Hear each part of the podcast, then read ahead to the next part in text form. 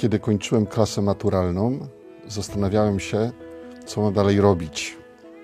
Najpierw myślałem, a co jest dla mnie wartością, co ma dla mnie sens. Sensem dla mnie jest miłość. Chcę żyć dla miłości. Potem zadałem pytanie, gdzie będę mógł bardziej kochać? Jako mąż czy jako ksiądz? Wyszło mi, że jako ksiądz. I chcę żyć dla miłości. Ludzie młodzi chcą też żyć dla miłości, ponieważ na ślub wybierają bardzo często ten fragment pierwszego listu świętego Pawła do Koryntian. Miłość cierpliwa jest, łaskawa jest, miłość nie zazdrości, nie szuka poklasku, nie unosi się pychą, nie dopuszcza się bez wstydu, nie szuka swego, nie unosi się gniewem.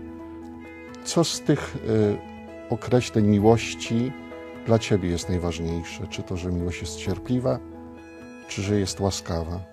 Dla mnie właśnie ten pierwszy punkt. Miłość cierpliwa jest najważniejszy. Nazywam to na swój użytek miłością upartą. Boża miłość jest uparta.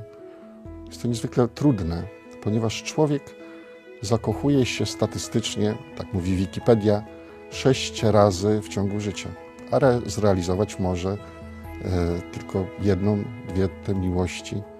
Nieraz e, zostaje tylko przysięga, zostaje upór miłości. Ja coś przysiągłem, ja coś obiecałem.